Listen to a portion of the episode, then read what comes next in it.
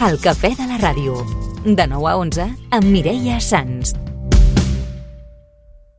Us hem destacat en començar Sabadell és la ciutat del Vallès Occidental on s'han obert més expedients a grans tenidors per no haver ofert un lloguer social a una persona o família vulnerable abans de desnonar-la, tal com demana la llei. En total s'han obert 66 expedients, cosa que suposa una quarta part de tots els que s'han obert al Vallès Occidental. A tota la comarca s'han iniciat 248 investigacions. Tot plegat és una mesura per evitar que es produeixin aquestes irregularitats i alhora intentar facilitar l'accés a l'habitatge als col·lectius més vulnerables. Tot i això, Roger Torrent, conseller d'Empresa i Treball, recalca que les sancions no tenen un afany recaptatori, sinó que la seva voluntat és que serveixin de sensibilització. Creu que això servirà d'escarment per més endavant. La nostra voluntat, repeteixo, i el programa estava fet pensant i el que veurem en els propers anys si anem aconseguint aquest efecte és eh, no arribar a aquest extrem. Eh? És a dir, eh, que abans les empreses, els grans tenidors de mutu propi, tinguent en compte aquest marc jurídic, ja facin un oferiment de lloguer social.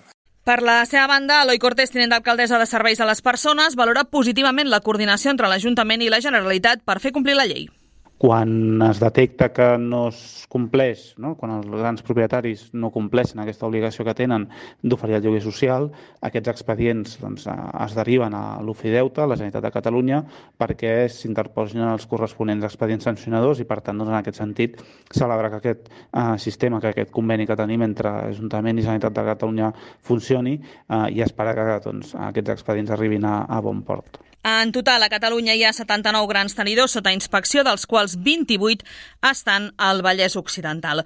Comentem aquestes dades i també d'altres qüestions a aquesta hora conversant amb l'Aida Guidus, portaveu de la PA. Aida, bon dia, què tal?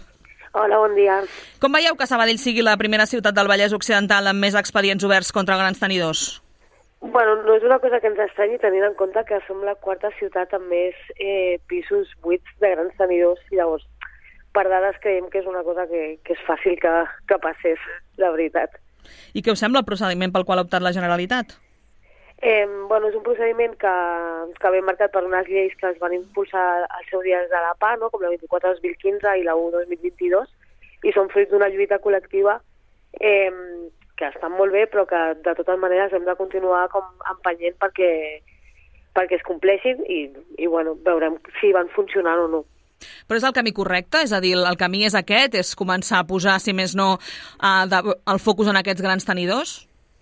El camí és posar el focus en els grans tenidors, però creiem també que ara mateix per un banc un gran tenidor una multa, una sanció administrativa eh, és una cosa que ells és quincalla i que no sabem ben bé si acabarà funcionant i fent que facin aquests joves socials, perquè ara mateix no s'ha donat resultat. Uh -huh. Perquè quan, diguéssim que quan es posa damunt la taula aquesta normativa, entenc, en una negociació, no serveix per pressionar, vols dir? No, continuen havent desnonaments, les famílies continuen sense que se'ls ofereixi lloguer social. O sigui, el que volem dir i recalcar és que creiem que els grans tenidors els hi surt més a compte pagar la multa i deixar el pis buit per especular que facilitar el tràmit de que una família tingui un lloguer, encara que sigui social, eh, i llavors prefereixen més pues, aquesta via de, bueno, pues, ens multen, ok, paguem, eh, i continuem especulant i fent que l'habitatge sigui una mercaderia. Uh -huh. Teniu constància, per tant, que això realment estigui passant? És a dir, que a Sabadell hi hagi casos en què realment prefereixin pagar aquesta multa abans que accedir a aquest lloguer? Bueno, tenim, o sigui, el que tenim són les dades de les nostres assemblees que, no sé, potser de 10 persones que venen cada setmana amb problemes habitacionals, cada cap d'elles se li oferta un lloguer social eh, perquè hi hagi hagut aquest recorregut o aquesta sanció, no? Llavors, no ens hem trobat cap cas. I, I llavors... portem molts anys amb això. I llavors com s'hauria de fer? Perquè, clar, si realment posar una llei uh, no serveix, no fa la funció que ha de fer, què és el que s'hauria de fer per tal d'aconseguir doncs, que aquesta realitat sí que es pogués aplicar? Doncs nosaltres no, no tenim la solució, no sabem si seria apretar més, que les sancions fossin més altes, o realment que, que les administracions acabessin eh, expropiant aquests pisos eh, per poder-los fer habitatge públic. I eh, sobre l'abans de... Perquè ara mateix estem parlant d'expedients oberts, per tant no estem parlant de sancions, estem parlant de casos doncs, que, que entenc que s'investigaran. Um, el temps es dilata molt? Sabeu si des de que comença aquesta obertura d'expedient fins que es decideixi a multa o no, el temps s'allarga molt? Doncs no ho sabem, però segurament estem parlant de processos que durin aproximadament un any o una mica més. Llavors també per les famílies és crític, perquè si tens una situació vulnerable tenir aquest temps en el que et poden desnonar, et poden fer fora de casa, eh, és una angoixa que estan patint també. Clar, estem en un moment també que normativament han de passar moltes coses, no? Explicàvem a l'editorial que a partir del 13 de març eh, també s'aplica aquest nou índex de càlcul del lloguer. Teniu esperances en aquest nou índex? Bueno, sí, sí sempre tenim esperances nosaltres. El, el problema és després com, com es fan les coses o com es, com s'acaben donant, però bueno, o sigui, totes les millores són, bueno, són per a bé i, entenem que es fan perquè sigui eh, el millor possible per a les famílies i les situacions vulnerables. Però després hem de veure com evolucionen per poder-ho valorar. Uh -huh. Però a hores d'ara, la música, el que diu en aquest batibull que tenim ara mateix, que per exemple la Generalitat vol que s'apliqui l'índex eh, que tenia la Generalitat doncs, previ a, a la llei de l'habitatge, a la llei del lloguer, que acabés doncs, al Tribunal Constitucional, i l'Estat diu que no, que tot l'Estat s'ha d'aplicar l'índex que, que l'Estat ha preparat, amb qui estaríeu en aquesta discussió? Nosaltres ens mantindrem com al marge fins que no sapiguem ben bé eh, com funciona i, i que no veiem els resultats. La veritat és que preferim això a no escoltar campanes abans de que, de que sonin. I confieu, per tant, que a partir del 13 de març sí que es pugui aplicar de forma definitiva? Esperem. I teniu constància que hi hagi propietaris d'habitatges que estiguin aprofitant aquests dies abans de que s'apliqui aquesta norma per intentar negociar els contractes? Doncs la veritat és que el tema de lloguers eh, ho porta més al sindicat de llogateres, llavors nosaltres no, no ens trobem casos i no sabem eh, si està passant o no, però no ens estranyaria tampoc. Uh -huh. Um, parlem una mica de la situació global de la para. Feia dies que no parlàvem amb, amb vosaltres. Um, quin és el context ara mateix? Com està el nombre de desnonaments a Sabadell? La situació s'ha calmat o segueix tan tensa com ens explicaves l'última vegada que ens vas acompanyar? Continuem, bueno, continuem pujant. Aquesta setmana, per exemple, hem tingut quatre desnonaments, a més cada vegada són més violents. Eh, ens trobem a que segons desnonaments ja ens estan enviant primo, així que la situació és bastant tensa. Quan dius més violents, a què et refereixes? Bueno, que no és el mateix afrontar un desnonament en el que ve pues, una patrulla de policia que un desnonament amb, amb Brimo que sabem ben bé que s'executarà i que tota la força que podem posar nosaltres a la porta es veu disminuïda perquè al final ens envien antiavalots com si fóssim terroristes. I quan parles de que continuen pujant els desnonaments, a quina xifra estaríem ara mateix? Doncs ara ja et dic, aquesta setmana per exemple hem tingut 4, la setmana passada en vam tenir 3, vull dir, rondem els 3-4 mínim per setmana, més els que esperen potser abans d'arribar a porta, que són, o sigui, són un parell a la setmana o així, que esperen els jutjats, més els que nosaltres no tenim constància, que és el que diem sempre també. I això quin increment suposa, per exemple, respecte a l'any passat? Ara mateix no et sabria dir xifres, però jo crec que l'any passat a aquestes alçades potser en teníem dos, tres a la setmana i ara pues, un o dos cada setmana. Llavors es va complicant. I per quin, quin perfil serien les persones a les que, que es desnonen? És a dir, estem parlant, per exemple, que estan tornant els casos de gent que no pot pagar la hipoteca?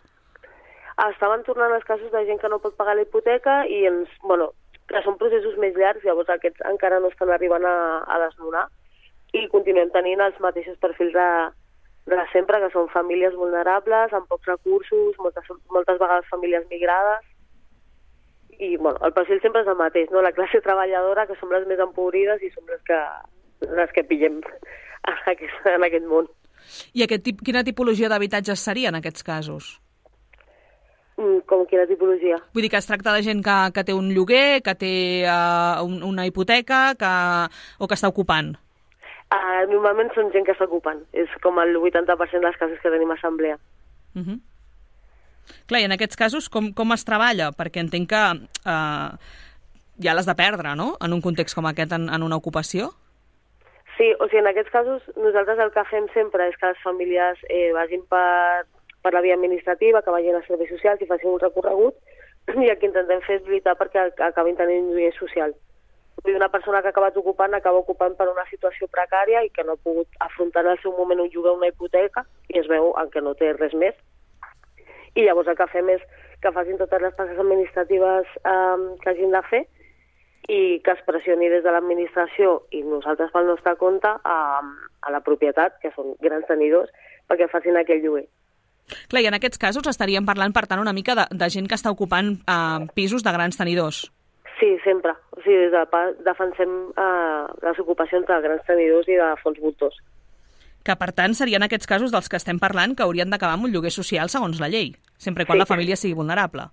Sí, sí, correcte. Però passa molt poques vegades, o sigui, hi ha molt pocs casos, i de fet nosaltres els casos que tenim de lloguer social són els que hem fet eh, alliberaments de blocs sencers, com el cas del bloc de Gràcia, eh, que són ja sota molta pressió perquè són moltes famílies alhora, però, però és molt complicat arribar a tenir un lloguer social. Perquè, per tant, eh, diguéssim, aquesta part que estem explicant avui no es compleix, eh, però hi ha, hi ha certificats de vulnerabilitat en tots aquests casos? Sí, sí, sí, de fet és el primer que els diem a les famílies o a les persones que estan ocupant, que és que, que vagin a tramitar el seu certificat de vulnerabilitat per poder fer tot aquest pas. Per tant, tot i haver aquests certificats de, vul de vulnerabilitat, es segueixen procedint aquests desnonaments. Sí, correcte. Fins i tot si hi ha criatures a càrrec, etc. Sí, no, no, hi ha com discriminació. O sigui, si hi ha criatures, doncs, es- s'executen igual eh, i amb la mateixa violència i amb la mateixa policia, vull dir, no, és un, no es fan excepcions. I en aquest sentit, eh, el procediment administratiu que deies tu ara, que és el que demanem a les famílies pel qual passin, funciona correctament a Sabadell? Eh, sí, la veritat és que la- eh, l'administració en aquest cas, el treball que fa, doncs, no, de fer els informes de vulnerabilitat, de passar això a la propietat i així, eh, doncs és, ho fa correctament. L'únic que suposo que l'arribar a, a la- a l'altra part és quan es topen amb, com amb un mur el que no es pot atravessar. Que són aquests grans tenidors. Sí, sí, sí. I que és el que complica tot aquest procediment, no? Sí, bàsicament és que, eh, bueno, això, prefereixen pagar sancions o es neguen, diuen coses com, no, és que ocupes no fem lloguers, però és, és com el peix que es mossega la cua, perquè al final és això, per llei tenen l'obligació de fer-ho.